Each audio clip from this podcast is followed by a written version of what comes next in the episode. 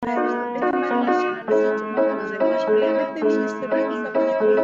dëgjoni podcastin me Lisi Shelida. Episodi 165. Miq përshëndetje. Prap një ditë e ngrohtë, vjeshte, në të cilën do doja të ndaja disa fjalë, të cilat mund të quhen të ngrohta, por flasim për një gjë e cila është totalisht krijuese e një ftohtësie në marrëdhëniet njerëzore në biznes.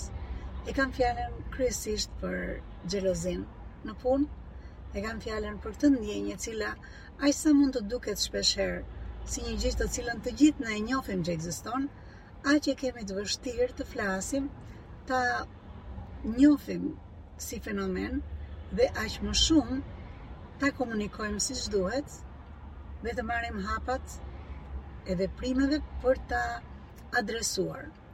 Konkretisht, siç e kam thënë, po ndaj disa nga mendimet që dalin gjatë bisedave, gjatë coaching, që bëhet me drejtues biznesesh.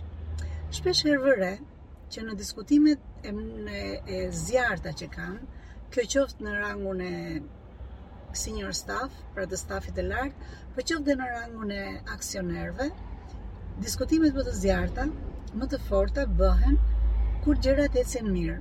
Dhe më vjen shumë çudi kur e them këtë gjë. Pra nuk është kur ka rënë produktiviteti, nuk është kur ka një problem që ka hyrë në në treg për shembull një konkurrent i cili nuk po luan me rregullat e lojës. Nuk është që këto janë gjërat që priten, ë? Ose nuk është kur diku shef që uh, një pjesë e e stafit të lartë zgjedh të largohet dhe të shkojë të punojë diku jashtë shtetit. Dhe këto janë probleme të cilat kushdo nga ne rëndom do thoshte po, këto janë ato tema për të cilat uh, falen edhe ngritja e zërit, edhe të qenit emocional gjatë bisedave, edhe të të bërtiturit, sepse janë gjëra të cilat në fakt shkatërrojnë biznesin mirëfilli. Këto janë, me sa kuptoj, ato sëmundje të cilat janë aq të dukshme sa njerëzit pak a shumë ia kanë gjetur ilaçin. Drejtuesit e bizneseve e kanë gjetur anën. Dinë se çfarë do të bëjnë në raste të tilla. Ajo që ata nuk dinë të bëjnë, në shumicën e rasteve dhe flas gjithmonë nga nga tregu me të cilin unë punoj, pra ajo pjesë tregu të cilët janë klientë miq të mi, pjesa që gjejnë të vështirë për t'u marrë është ajo që ka të bëjë me aftësitë ndërpersonale ose mungesën e aftësive emocionale, kontrollit të aftësive emocionale apo të njohjes dhe të vënies në funksion të inteligjencës emocionale të personave me të cilët punojnë. E thënë kjo, do doja ta ta theksoja prapë që është një nga gjërat më vrastare kur brenda grupit ti vëren që ka një xhelozi e cila shprehet shpesh herë me të folurën e me të justifikuarin sikur flitet hapur Edhe të qenit të hapur un janë gjëra që ne të gjithë i kërkojmë, të gjithë duam transparencë, të gjithë duam që çfarë mendon për tjetrin t'ia bësh shumë të qartë sepse nuk ke kohë për uh, zigzake, duhet një shortcut gjithmonë kur ti i thua gjërat, ama nuk është e justifikuar kur në emër të të qenit i drejtpërdrejtë sulmohet dikush i cili në fakt punon fort në kompani, në fakt ose sjell klientelë të madhe, ose di të ketë në shërbimin e klientelës të jetë shumë i aftë, ose është një person i cili prodhon produkte të reja apo shton atribute në produktet ekzistuese që plotësojnë nevoja mirëfilli të klientelës, ose ka një aftësi të jashtëzakonshme në futje në tregje të ndryshme apo në mikrotregje që janë të pashfrytëzuara. Pra janë disa persona të cilët kanë aftësi të dukshme dhe sjellin të ardhura të dukshme, të prekshme për gjithë grupin. Dhe ajo që ti kupton herë pas here është që në një në një të bërtitur apo në një shpërthim emocional të dy tre vetave drejt një personi, ti shpesh e kupton që gjithçka vjen nga të qenit inferior për sa i takon vlerave që ne kemi, apo aftësive që ne kemi, apo ekspertizës që ne biem në tavolinë, Dhe ajo që gjejmë më të kollajt është të sulmojmë atë i cili ka guxuar të bjerë një produkt të ri, siç thamë, që të na fusë në një treg të ri, të ketë të sjellë disa atribute të reja në shërbimin ndaj klientit e tjera e tjera e tjera. Ok, a, kush do dëgjojë do thotë ok, Lida, deri tani ke bërë atë që ti i thua, artikulimi. Ky është artikulimi i problemit, çfarë ndodh? Vijmë tek pjesa e komunikimit. Si do të duhet që ta adresojmë këtë gjën? E para një do të gjejmë pse ndodh. Dhe shpesh herë siç thashë, siç fillova pak të thoshja është shumica e herëve ndodh për arsyen se dikush ka një kompleks inferioriteti dhe është shumë i aftë le të themi në një pjesë apo në dy pjesë të gjithë biznesit, por nuk është në pjesë të tjera. Dhe është kjo mungesë e jashtëzakonshme e vlerësimit për veten, e të qenit i zeruar në zero, i barazuar në zero në disa aspekte të biznesit, sa shpeshherë është që ndihet totalisht i kërcënuar nga marrja e drejtimit të kompanisë prej njërit nga antarët e stafit të lartë, të cilët për një moment, për një tremujor, shkëlqejnë në një drejtim të caktuar, pra është një frikë. Vjen një xhelozi më mbrapa që shfaqet si xhelozi prej një frike të brendshme, prej një frike që është shpeshherë ose që do humbasësh diçka ose do kesh më pak nga. Zakonisht ky është ndofta pushteti në kompani, ndofta është që ke qenë gjithkohon në kontakt të vazhdushme me njerëzit kryesorë të biznesit dhe ti mendon që ky ky kontakt do të ulet dhe rrjedhimisht edhe fuqia që ti ke do të ulet në biznes. Pra, gjetja e psesë është shumë e rëndësishme. Në moment që gjen psenë, hapi tjetër është sa është e lidhur kjo me arritjen e objektivave. Pra, a ka një efekt kjo në objektivat? Ose me fjalë të tjera, nëse shikon që midis stafit tënd ka njerëz që janë të xhelozuar me njëri-tjetrin. Pyetja që do t'i bëja gjithmonë unë CEO-s apo drejtuesit apo administratorit apo presidentit pra çfarë titulli ka drejtuesi ai që ka timonin e kompanisë në dorë, pyetja që do t'i bëja është sa ta afekton ty kjo në arritjen e objektivave. Dhe këtu menjëherë bëjmë ndarje, midis asaj që mund të jetë xhelozi dhe është e sëmurë dhe është e keqe, dhe asaj që mund të quhet një uh, dëshirë për të hecur. Dhe një dëshirë që shpeshherë mund të shprehet edhe me shiko këtë dua ta bëj dhe unë, nuk ka pse ta bëjë vetëm ai apo vetëm ajo. Kjo është një gjë e mirë se kjo lidhet direkt me arritjen e objektiveve.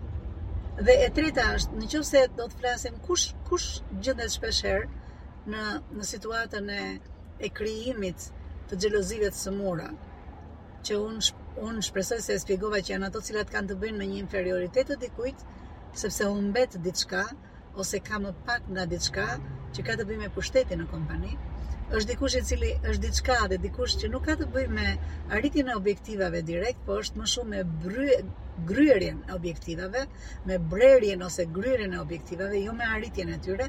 Edhe e treta, dikush që në pozicionin që është, shpeshherë mund të qëllojë që në sinergji me dikë tjetër, gjendet në një inferioritet, i cili kthehet me, do të thosha, janë në shifra të larta si sinergji shumë negative kur bëhen dy persona bashkë që kanë të xhelozin.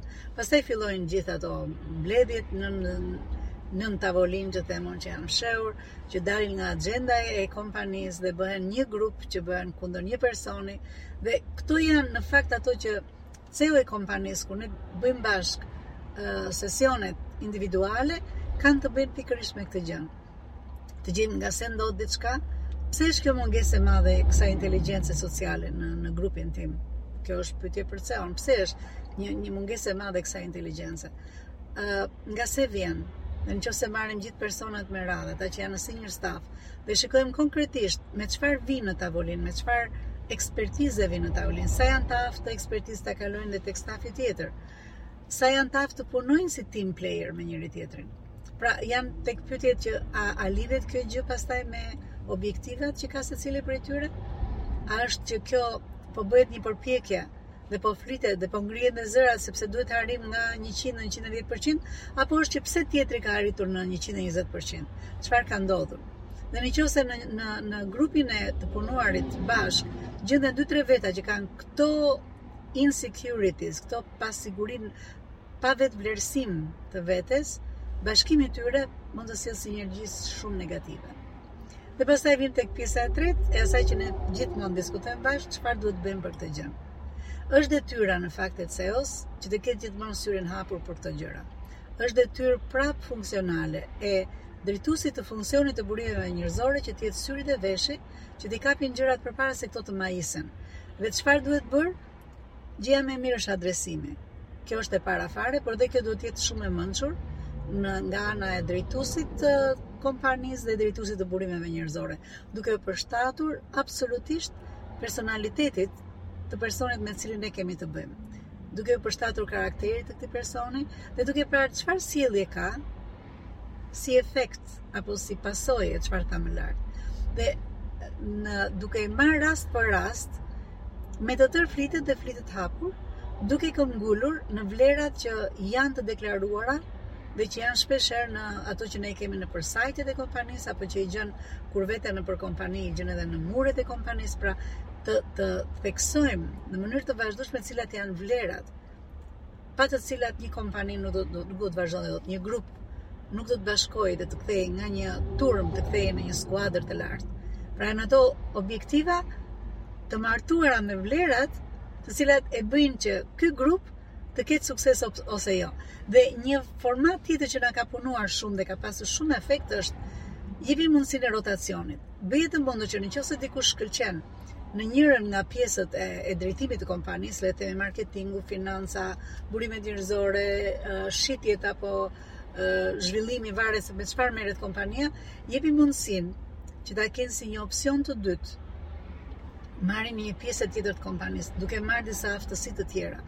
Ky rotacion e bën që vetë drejtuesi i biznesit të ketë mundësinë të marrë ide të ndryshme për pjesë të ndryshme të biznesit që dikush i ka mbuluar prej vitesh. Nga ana tjetër i jep mundësinë këtij personi që të ndihet që po merr, po mëson gjëra të reja, edhe nga ana tjetër është shumë e rëndësishme edhe për t'u zënë dhe kohën e lirë ndonjëherë disa personave që janë aq të mirë në punën e tyre, sa rrinë aq ngushtë atje brenda kanë krijuar ca korniza dhe nuk kërkojnë diçka më tepër. Kjo është detyra e drejtuesit, të ketë mundësi t'u japë mundësinë e rotacionit dhe kjo është një nga ato mekanizma të cilët funksionojnë. Miq, për ta përmbledhur, ajo që jam duke thënë është pse ekziston xhelozia dhe si mund të dallojmë xhelozinë nga dëshira e mirë për të ecur, ambicia e mirë për të ecur. Dhe një është që këtu, sido që të jetë është e lidhur me objektivat, oke? E dyta, përse ndodhë kjo? Përse u ndodh kjo shpeshherë skuadrave që nuk janë në krizë në biznes, po janë duke ecur shumë mirë? Zakonisht, kur gjërat ecin shumë mirë, përse ndodh kjo xhelozia?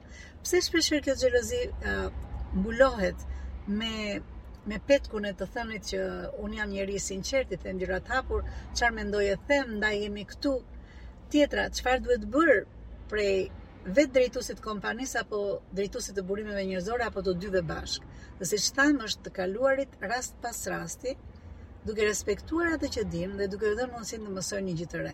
Ka dhe raste ekstreme kur kuptohet që dikush është që në mënyrë të vazhdueshme sëmuret apo xhelozohet nga suksesi i të tjerëve, nofta është momenti të kuptosh që këta persona nofta nuk duhet të jenë më në stafin e lartë, por këto janë vetëm rastet ekstreme.